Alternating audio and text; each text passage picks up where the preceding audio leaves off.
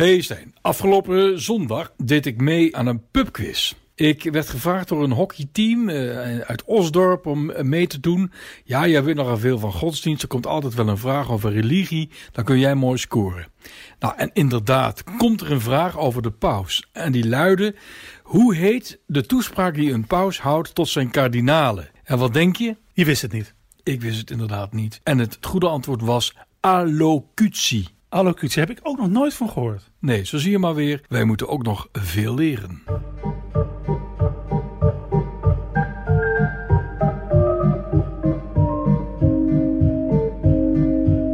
Welkom bij een nieuwe aflevering van de Trouw-podcast De Roomse Loper. Ik ben Stijn Vens. En ik ben Christian van der Heijden.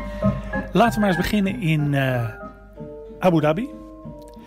In een van de Emiraten. De paus, paus Franciscus, dat zal u toch niet ontgaan zijn, was afgelopen week daar een aantal dagen op bezoek. En het was voor de eerste keer dat een bisschop van Rome het Arabisch Schiereiland, toch de geboorteplek van de islam, bezocht. Nou, dat hebben we geweten. Prachtige beelden. Nou, aardig is natuurlijk dat um, in, uh, in die Emiraten is de islam de staatsgodsdienst. Maar er wonen heel relatief gezien veel katholieken, zo'n uh, miljoen. En dat zijn dan vooral immigranten uit India en de Filipijnen. Nou, die, hadden, die mochten, konden allemaal op dinsdag naar een, een mis met de paus in een sportstadion. En als je een kaartje had, kreeg je een dag vrij. Dat is wel sympathiek. Heel sympathiek. En de uh, staatsomroep heeft alles opgenomen en gratis ter beschikking gesteld van uh, zenders over de hele wereld. Het is natuurlijk toch mooi dat, dat er in dat Abu Dhabi uit de luidsprekers christelijke liederen kwamen. Ja, dat is ongekend. We kunnen wel spreken van een historisch bezoek. Ook historisch was, tenminste dat vindt deze paus zelf, dat acht eeuwen nadat Sint Franciscus in Egypte een gesprek had met de sultan uh, Al-Kamil. Uh, hij, Sint Franciscus van Assisi probeerde deze sultan te bekeren. Dan zou de vijfde kruistocht uh, nou, zou over zijn. Want dan, dan, waarom moet je dan nog vechten?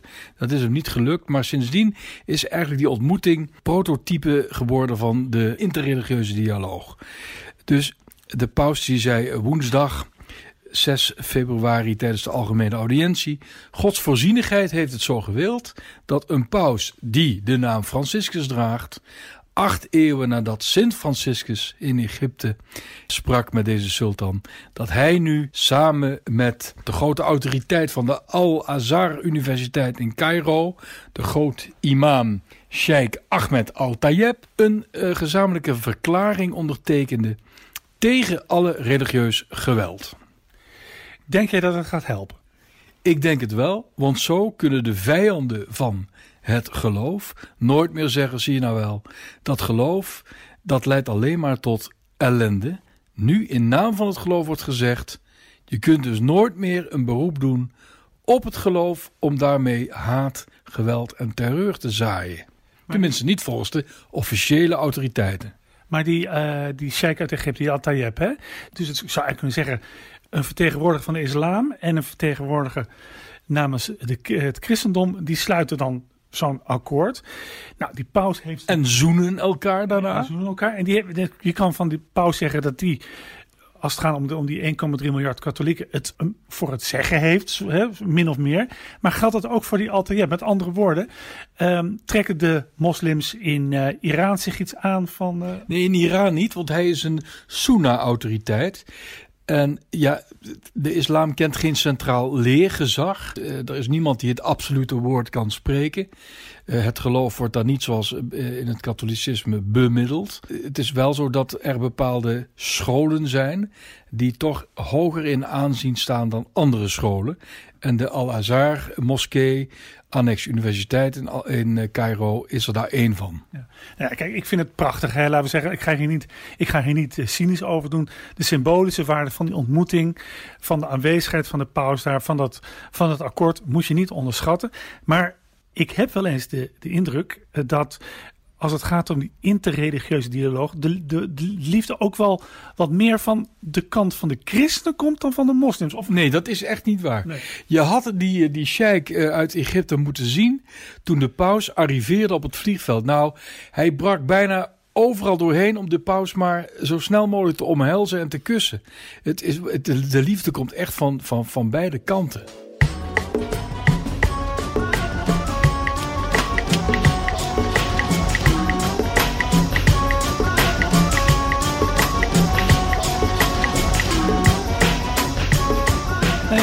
Anders. Hè? Dus, dus je kan zeggen, je hebt het over de interreligieuze dialoog. Die paus heeft daar in Abu Dhabi benadrukt dat we zijn allemaal broeders en zusters. Er mogen verschillen zijn, maar uiteindelijk zijn we allemaal kinderen van die ene vader. Ja, het is wel. eh, eh, Deze interreligieuze dialoog bleef wel een beetje beperkt tot de Abrahamitische godsdiensten.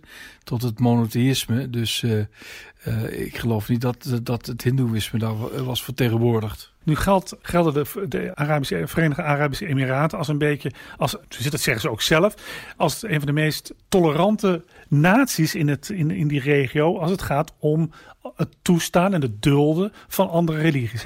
Er kunnen kerken gebouwd worden in de Emiraten. De, de daar zelfs eh, grond voor, voor beschikbaar. Maar van christenen wordt wel verwacht dat ze hun geloof discreet beleven, om het zo maar te zo zeggen, terughoudend. En er niet mee te koop lopen. Aan de andere kant is, is islam daar de staatsgodsdienst. En mag je als moslim je niet bekeren tot een andere godsdienst. Dat is illegaal. Mijn vraag is nu, kijk, allemaal mooie woorden en zoenen, maar zou het daadwerkelijk zo kunnen zijn dat er in de praktijk er nog meer tolerantie komt en het een beetje meer relaxed als het gaat niet alleen om de positie van de christenen, maar ook om het ja, overstappen van moslims naar andere godsdiensten. Zou dat het resultaat kunnen zijn of zou dat het resultaat niet moeten zijn? Alles is mogelijk. Alles kan ook veranderen. Zoals Andrea Riccardi eh, zegt, de stichter van de gemeenschap Sant'Egidio, die toch heel veel aan interreligieuze dialoog doen. Alles kan veranderen. Wie had ooit gedacht dat, de, eh, dat er een paus op het Arabische Schiereiland zou kunnen landen, zou mogen landen? Dus het is niet zo dat het, het Wahhabisme in Saoedi-Arabië, dat, dat, eh, dat, dat, eh, ja, dat die oneindig lang meegaat, die stroming. Dus, dus je weet het niet. En het kan zomaar gebeuren dat er ook nog eens een keer een, keer een, een, een verlichting, eh, zoals wij dat hebben gekend in het Westen, over de moslimwereld heen trekt. Maar zouden we dan niet moeten beginnen, of zouden zij niet moeten beginnen, om af te stappen van staatsgodsdiensten, zoals in Marokko, hè, waar de paus in maart heen gaat, en zoals in de Emiraten? Want is dat dan niet juist een belemmering tot een ware dialoog, als je het ene, de ene godsdienst zo hoog op de troon zet? Ja, maar het is nog niet eens zo lang geleden dat eh, het is pas in 1984 geweest dat Italië het rooms-katholicisme heeft eh, afgeserveerd, zeg maar, als staatsgodsdienst. Ja, dat is waar. Dus, dus dat, is een, dat is een goede, ik zou bijna zeggen, weet je, als een politicus, dat is een stap in de goede richting. Ja, dus de scheiding kerk en staat is een, is een van de beste verworvenheden van de verlichting. Maar het is wel heel erg westers. En eh wij moeten natuurlijk niet onze eigen schablonen leggen op de niet-westerse wereld. Als ik één schabloon uit de westerse wereld ook aan de rest van de wereld gun, ook aan andere continenten, dan is dat de absolute godsdienstvrijheid. Ja, dat, daar ben ik het mee eens. Alleen die absolute godsdienstvrijheid komt voort uit, uit een westerse koker. Hè? Dus uiteindelijk degenen die het over de vrijheid van geweten hebben gehad, waren zelf niet zo godsdienstig. Waren eigenlijk anti-godsdienstig.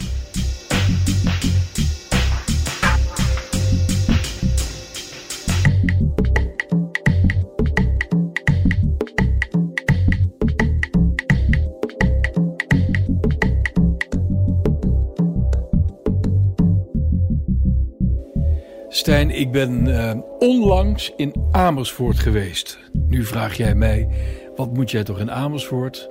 Nou, Amersfoort is natuurlijk prachtig. Amersfoort is ook de bakermat van twee belangrijke schilders. Over één van hen heeft onze vriendin Rosita Steenbeek een prachtig boek geschreven. Een roman zelfs, Ander Licht. En daar komt ook een personage in voor, eh, die noemt zij Jasper van Wittel. En die heeft ook echt bestaan. Dat is Caspar Adriaanszoon van Wittel. Die heel veel naam heeft gemaakt in Italië. Nou, en 80% van al zijn werken is nu te zien in kunsthal eh, KDEA of zoiets. Een heel rare afkorting in Amersfoort. Ga daar mensen, ga daar naartoe. Vooral alle Italofielen, eh Romofielen moeten daar naartoe. Want u ziet daar schitterende vedute. En dat weet jij wel wat dat zijn, hè? Ja, maar vergezichten. Ja, stadsgezichten. Ja, verge en als stadsgezicht. Ja, nou in, in ieder geval het genre stadsgezichten is eigenlijk heel Hollands. En we kennen natuurlijk de prachtige stadsgezichten van eh, Jan van der Heijden. ja en het. Ome Jan noemen wij hem in- bij ons in de familie. En eh, ja, misschien wel het mooi, een van de mooiste schilderijen uit, uh, uit de Nederlandse schilderkunst. Het gezicht op Delft van Johannes Vermeer. Ja, dat is, dat is prachtig. Fenomenaal. Ja, dus die van Wittel, Maestro van Wittel. Die, ik heb hier ook de prachtige catalogus. Hij leeft van 1653 tot 1736. Hij ligt begraven in een kerk in Rome die wij ook goed kennen. Dat is de Chiesa Nuova, oftewel de Santa Maria in Vallicella. Dat is de kerk van de heilige Filippo Neri, de stichter van de Oratorianen. Daar liggen ook twee kindjes van zijn zoon, dus eigenlijk twee van zijn kleinkinderen, uh, Luigi van Vitelli. Uh, dat was een van de voornaamste architecten van de 18e eeuw. Die heeft nog ooit iets hersteld in de koepel van de Sint-Pieter. Ook echt een architectonisch genie. Je praat er nu een beetje over, maar zijn naam is dus ook... Want dat Van Wittel, dat konden die Italianen natuurlijk niet uitspreken. Nee. Dus hebben ze Van Vitelli van gemaakt. Ja. ja prachtig, toch? Ja, schitterend. hebben ze ook ooit gedaan met, uh, hoe heet hij ook weer, uh, Van Santen. Ja, en Gerrit van Hond. Gerrit van Hond was volgens mij Gerardo della Notte. Ja, precies. Gerrit dus, van de Nacht. Ja, van de nacht, ja. ja, ja. Dus, dus die Italianiseringen, hoe zouden, zouden ze dat met jou doen? Uh, Augustino uh, Fenzo? Agostino dell'Amore. dell'Amore. Uh, ik heet trouwens Cristiano Pagani. Dat is echt zo. Maar in ieder geval, je ziet daar in Amersfoort uh, veel van zijn stadsgezichten bijeen. Niet alleen van Rome, maar ook van, uh, van Venetië en Napels.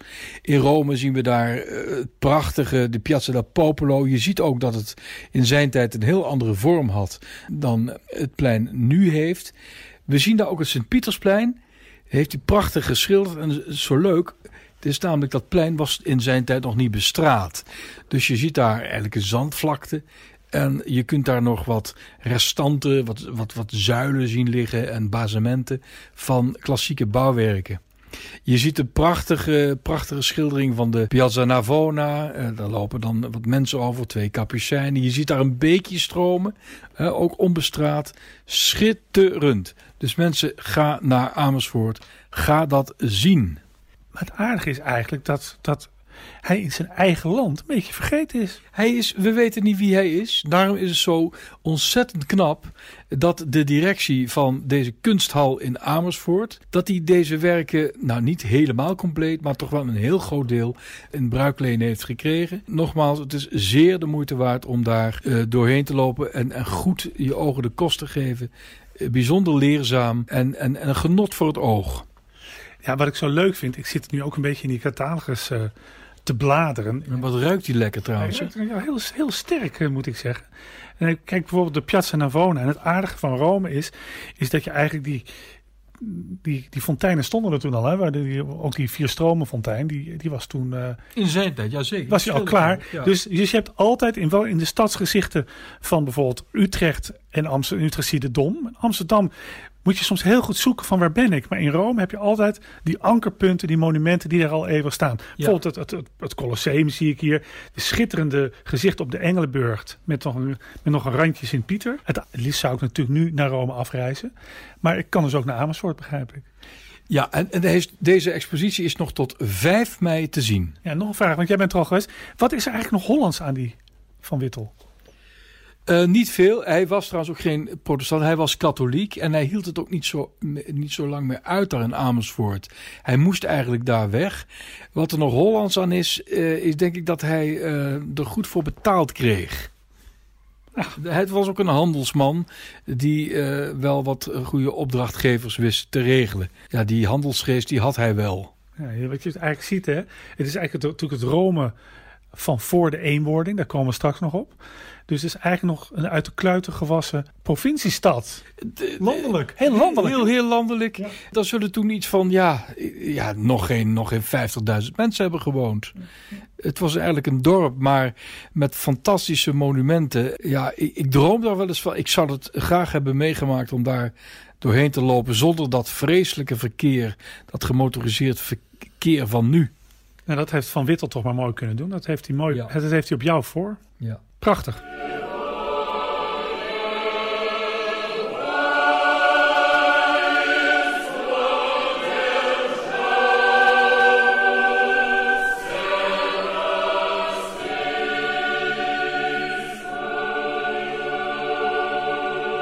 Ja, Stijn, nu we het toch over kunst hebben.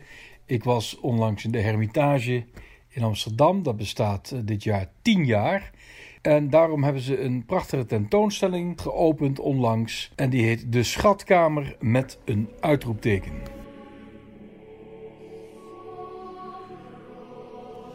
Ik sta hier naast Peter van Duinen, directeur van de Vrije Academie in Amsterdam. En hij is gevraagd voor deze tentoonstelling crash courses te geven voor de bezoekers.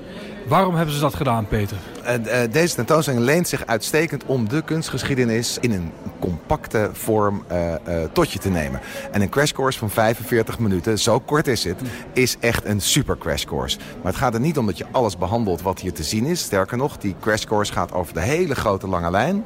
Dat je die een beetje in je hoofd hebt en dan kun je lekker op zaal al die prachtige stukken uit 25.000 jaar kunstgeschiedenis uh, op je eigen tempo nog een keer gaan nakijken. Nou, wij staan hier op zaal. Ja.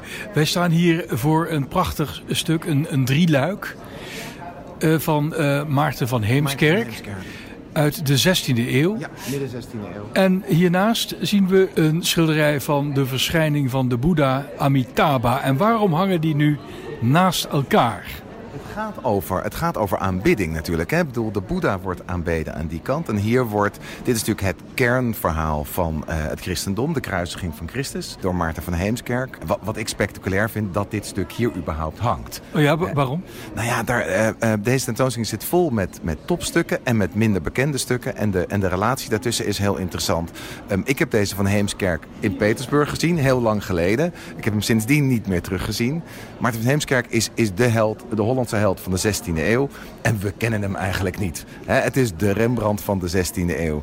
En wij kennen als, als algemeen publiek Maarten van Heemskerk slecht. Dus dan word ik al blij. Dan maakt mijn hart wel een klein sprongetje. Het is natuurlijk een, een, een, generiek thema, de kruisiging van Christus. Je ziet de, de, de misdadigers links en rechts. Het is een drieluik, het is verdeeld in drieën. Maar als je goed kijkt, het is één tafereel. Hè. De, de lijsten zijn meer een raam waar je doorheen kijkt. En het is nog ouderwets, want links en rechts zie je de opdrachtgevers zitten. Hè? De, de, de, rijke meneer en mevrouw met hun kindertjes die het besteld hebben. Dus het is voor een privé-devotie geweest. En dat zien we ook bij die uh, boeddhistische schildering. Dat, hè? Dat, dat, heb ik, dat Daar staan de opdrachtgevers ook heel, onder, heel bescheiden onderin. Ja, heel bescheiden. Ik heb dat nooit eerder gezien. Maar, het is maar ook die niet... katholieken zijn niet zo bescheiden, hè? Nee, die katholieken zijn minder bescheiden. die, zijn, die zie je meteen uh, toch duidelijk groot, groot ook uh, aanwezig. Ze zijn wel stemmig in het zwart. Hoewel de dame ook een heel rijk rood fluwelen manteltje daaronder aan heeft. Vroom neergeknield natuurlijk. Vroom neergeknield. Ja. Interessant is dat de kindertjes kijken het doek uit. Kijken ons aan. Hè? Dus zij vormen eigenlijk uh, de brug tussen ons en de scène. He, dus de kinderen kijken ons aan, die houden hun ouders vast, die kijken heel vroom naar de scène of naar Maria. De man kijkt naar Christus, de vrouw kijkt naar Maria. Zie je dat? Ja, dat is mooi, prachtig. Hè? Mooi, hè? Wat ook heel uh, mooi is, wat ik eigenlijk zelden zie bij een uh, kruisigingsscène, is de pikzwarte achtergrond. Ja, nou ja, het werd, het werd hè, mensen die het verhaal goed kennen, weten dat de, de, de hemel trok vol en werd donker. Dat is ook dat is bijzonder. Je hebt gelijk, dat zie je, dat zie je vrij weinig. Je ziet ook de, de enge sfeer van Golgotha. Hè? De, de skeletten die daar op de achtergrond lijken te lopen zelfs. En toch schijnt de zon, hè? Want de zon die schijnt op het tafereel. Het tafereel is belicht en vrij helder belicht ook. Wij zouden dat in Brabant noemen kermis in de hel. ja, precies. Ja, precies. Ja, mooi. Nee, en, en wat opmerkelijk is, het is een frontale aanblik. Het is vrij droog eigenlijk. Het is, maar dat maakt het drama uh, niet minder groot. Het is natuurlijk het steken van de lans door Longinus. Met, op dat prachtige witte paard. Ja, dat paard. Hè. Uh, uh, de paarden van Maarten van Heemskerk zijn altijd dramatisch. Er staan er nog twee of drie op. En die koppen zijn... En, de, en ook een ezel. Maar het zijn dramatische koppen.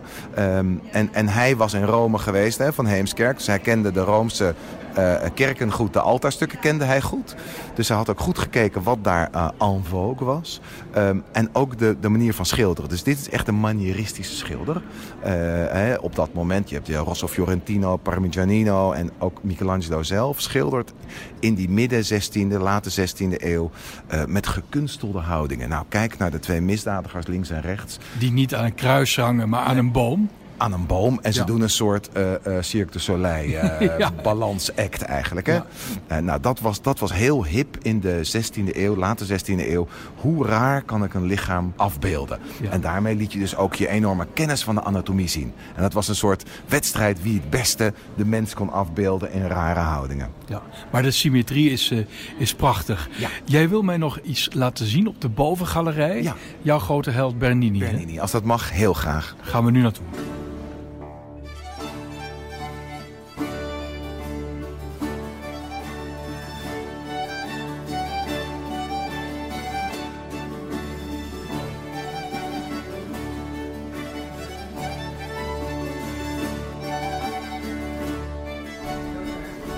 Ja, hier staan we dan voor een eh, prachtige buste van Gian Lorenzo Bernini Ja.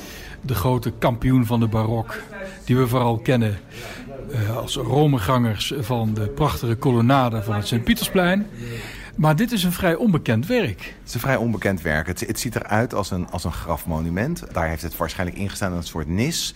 Het is, we weten waarschijnlijk, zegt men hier, de architect Giovanni Angelo Frumenti, die mij niks zegt. Zegt mij ook helemaal niets. Ehm, maar je herkent aan het beeld wel de, de, de vroege stijl van Bernini. Hij was denk ik op dit moment 20, 22 jaar oud toen hij dit maakte. Wat voor hem, dat klinkt misschien heel jong. Hij was een volleerd beeldhouwer vanaf zijn twaalfde ongeveer. Eh, hij pochte zelf met zijn eerste werk op zijn zevende. Maar goed, dat hebben we nooit teruggezien. Uh, dat was een wonderkind, Bernini. Hij was, hij was een begaafd hakker. Zijn vader was beeldhouwer. Eh, eh, eh, het is vrij simpel nog, dit beeld, in die plooival. Hè. Als je kijkt, dan, dan zie je dat dat vrij vet en dik nog is. Eh, de hand uit het manteltje is al, al wel een typisch barok dingetje. Hè? Er, er gebeurt iets. Oh ja? hè? Het Ja. suggereert nog de rest van het Ja, lijf, terwijl dat het niet- is er niet. Helaas een beetje beschadigd aan Ja, de vingers. vinger- de vingers zijn wat ingeko- afgeknaagd. Ja, ja. Ja, eh, de knoopjes van de, van de mantel eh, open en, en dicht. Hier zie je ook dat Bernini nog wat aan het begin is. Of heel veel met zijn studio heeft gewerkt hier. Dat deed hij toen ook al. Want dat is vrij stijf. Een later werk van Bernini, of een volleerdere Bernini... dan zul je zien dat een van die knoopjes, of twee van die knoopjes... net niet helemaal dicht zit. En waardoor er een spanning ontstaat dat je als kijker denkt... maar het is net echt. En die spanning bereikt Ja. hij door dat soort knoopeffecten. Hier is dat eigenlijk nog niet het geval. Wat wel, ik, zou, ik kan me voorstellen dat, dat de kop door Bernini zelf is gedaan... en de buste door zijn atelier. Want ik vind er wel een groot verschil in kwaliteit eh, in zitten. Die, die kop is prachtig. Want kijk bijvoorbeeld naar de, de, de, de mond. Hè. Het is een soort opgetrokken mondje. Dat is waarschijnlijk de houding van die man. Maar het spannendste zit in de ogen. De ogen zijn leeggehakt en je ziet de pupil verschijnen door dat kleine, hele kleine korreltje marmer wat net niet is weggehakt. Oh ja, de binnenkant van, die, van die oogbal zit, of van die oogkast zit. En voor jou en voor mij lijkt het alsof dat oog er is. Ja, nee, ik wilde het eigenlijk net vragen. Wat is er met dat oog dan? Maar er is helemaal geen oog. Het Er lijkt alleen maar oog. zo. Het is alleen Ja. maar donkerte. Het, Ja. is, het is natuurlijk puur Ja. effect. En Bernini was gefascineerd altijd... hoe kan ik met wit marmer een levensecht iemand laten zien?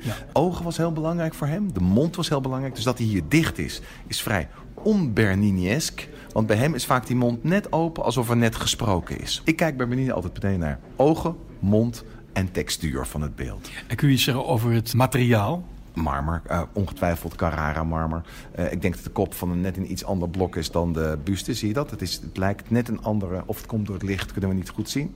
Maar het is net Maar je ziet hier geen glinsteringen. Zoals je dat bijvoorbeeld wel ziet bij de Pietà van Michelangelo. Ja, maar nou, dit is heel grappig dat je dat nou zegt. Want Bernini was eh, altijd heel erg druk bezig met de reflectie van zijn beeld. Dus, dus hij vond dat marmer moest alles kunnen uitbeelden. Moest huid kunnen uitbeelden, fluweel kunnen uitbeelden, eh, eh, eh, koper of staal kunnen uitbeelden. Dus hij zorgde voor, voor een polijstproces... Wat, het, wat de variaties van die kleuren en, en, en texturen kon bieden. Hoe hij dat deed is een beetje onduidelijk. Maar je, maar je ziet dus dat het haar bijvoorbeeld is anders gebeiteld dan de huid. Dat is wat grover, dat is minder gepolijst, de baard ook. En, en hij wil kleur uitdrukken, wilde kleur uitdrukken met wit marmer. Nou, dat is hem gelukt. En het is hier prachtig uitgelicht. Heel mooi. Hier in de Hermitage aan de Amstel. Dankjewel, Peter. Graag gedaan. En succes met je crash courses. Dankjewel.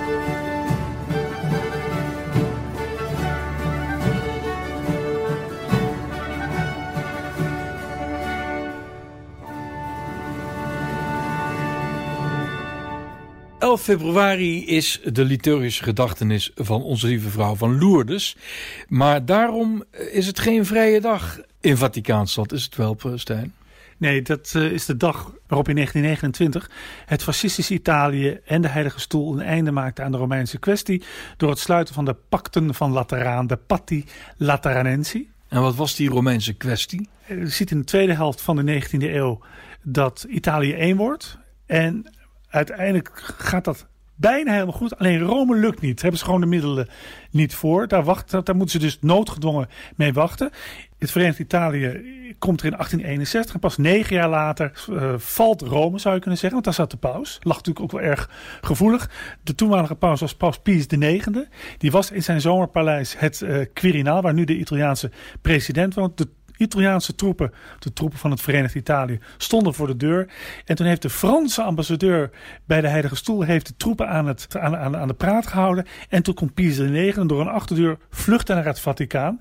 Waar hij zich vervolgens uh, de paus zich 70 jaar opgesloten hebben en lelijke bekken hebben getrokken naar, de Italiaans, naar het Italiaanse koninkrijk. Nou, uh, wat was er toen veranderd? Toen Mussolini in 1922 aan de macht kwam, die wilde natuurlijk dat uh, hele Italië meeslepen in zijn fascistische revolutie. Bijvoorbeeld de jeugd. Maar de jeugd, het jeugdwerk was geen in handen van de kerk. Dus Mussolini had er veel belang bij dat hij het goed zou maken met de katholieke kerk. Dus dat heeft hij gedaan.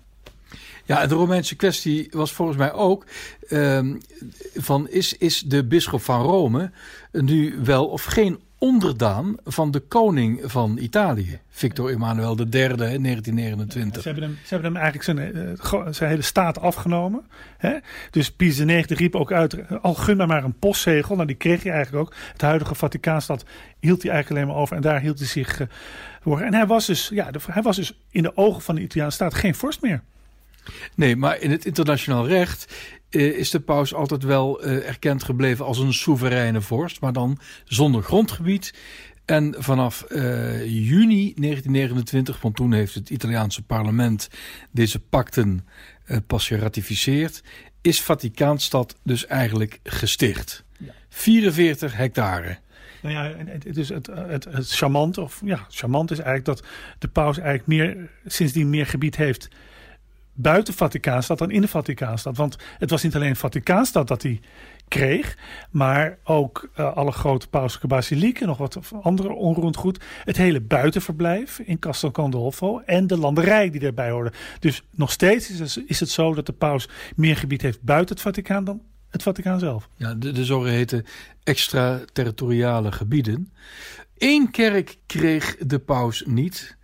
Nou, wel meer niet, maar vooral het Pantheon dat was echt voor het koninkrijk. Hè? Want daar liggen ook uh, de, de twee koningen, Victor Emmanuel de tweede en Victor Emma eh, Umberto de eerste. Ja, eigenlijk de enige twee die deugden.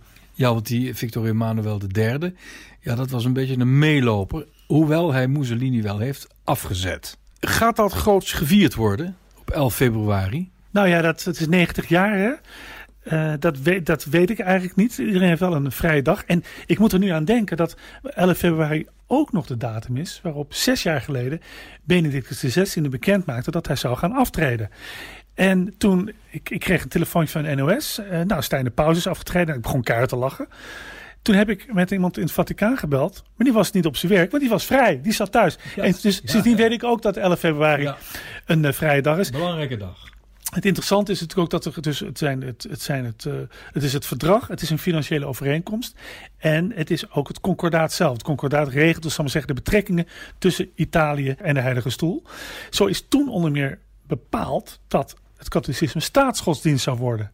Officieel, dat was het eigenlijk ook, maar in Italië. En dat de Italiaanse staat ook de priesters zou betalen. Italië is in 1946 een republiek geworden.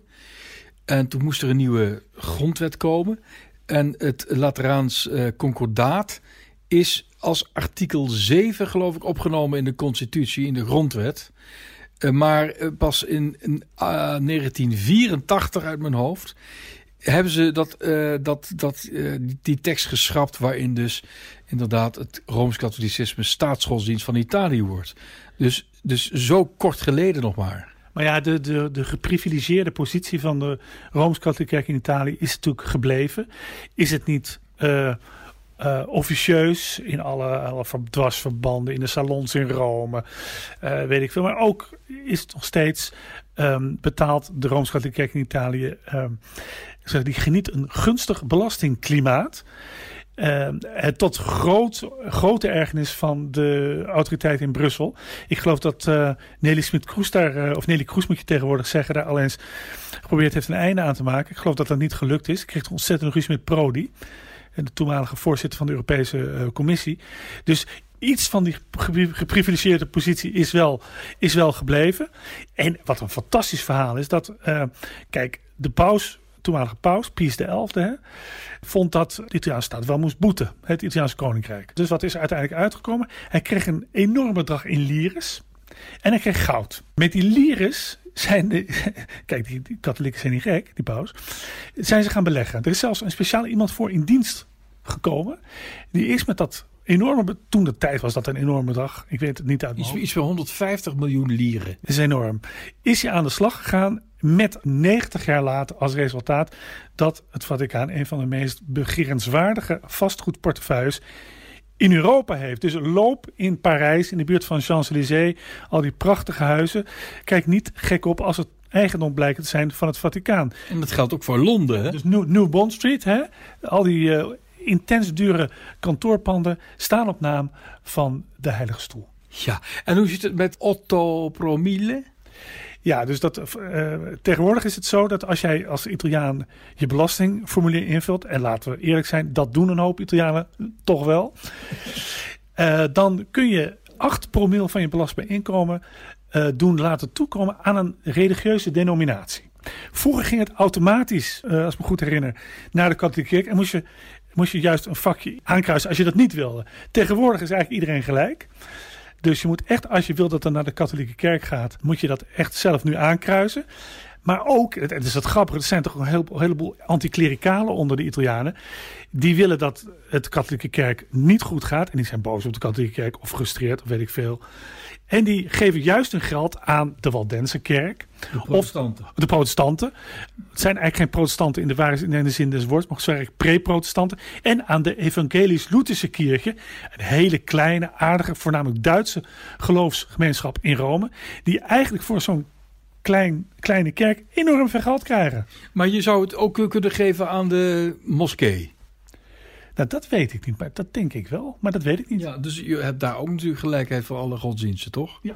ja. Dus, maar dat is pas sinds 1984 dus. Ja. En dus sindsdien moet de Italiaanse katholieke kerk ook reclame maken in de kerken voor zichzelf. Dus dan zie je, hè, dus in de, dan zie je zo'n zo mooi uh, aanplakbiljet hangen.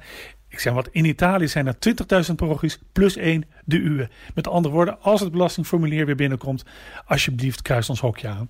Ja, maar dat kennen wij hier, in, uh, kennen wij hier niet. Maar we hebben wel kerkbalans. Heb jij al gestort? Nou, eigenlijk niet. En dat komt een beetje omdat het onduidelijk is hoe het met mijn kerk verder gaat. Oh, vertel. Ja, er worden in, in, in Utrecht een aantal kerken gesloten. Dus wat op dit moment speelt is dat hoogstwaarschijnlijk de kathedraal, hè, dus de, de, de bischopskerk, de Sint-Catharina-kathedraal, de bischopskerk van de aartsbisschop van Utrecht, kardinaal Eijk, dichtgaat. Dat die voor een schappelijk bedrag, 1 euro, verkocht wordt aan het Catharijnenconvent. Dan moet die kathedraal ergens anders zijn. Die hadden ze eigenlijk bedacht voor de Augustinuskerk aan de Oude Gracht naast de Rembrandtbioscoop. Onduidelijk is of die kerk goed genoeg is, in een, of, die, wel in een goede staat is om als kathedraal te kunnen fungeren. Dan zouden ze nog kunnen uitwijken naar de Aloysiuskerk bij het Milliminenpark. Een beetje op stand, zou maar zeggen een idee wat een, ook nog geleefd heeft om de kathedraal naar, dan maar te verplaatsen naar Apeldoorn. Nou, Willibord draait zich om in zijn reliekenkist als hij dat hoort. dat is gelukkig van de baan, maar dat zou ik moeten zeggen een aanfluiting zijn geweest. Ja, luisteraars, het zit er weer op. Bij gelegenheid van het 90-jarig bestaan van de Vaticaanse stadstaat draaien we nu de pauselijke hymne. Tot een volgende keer.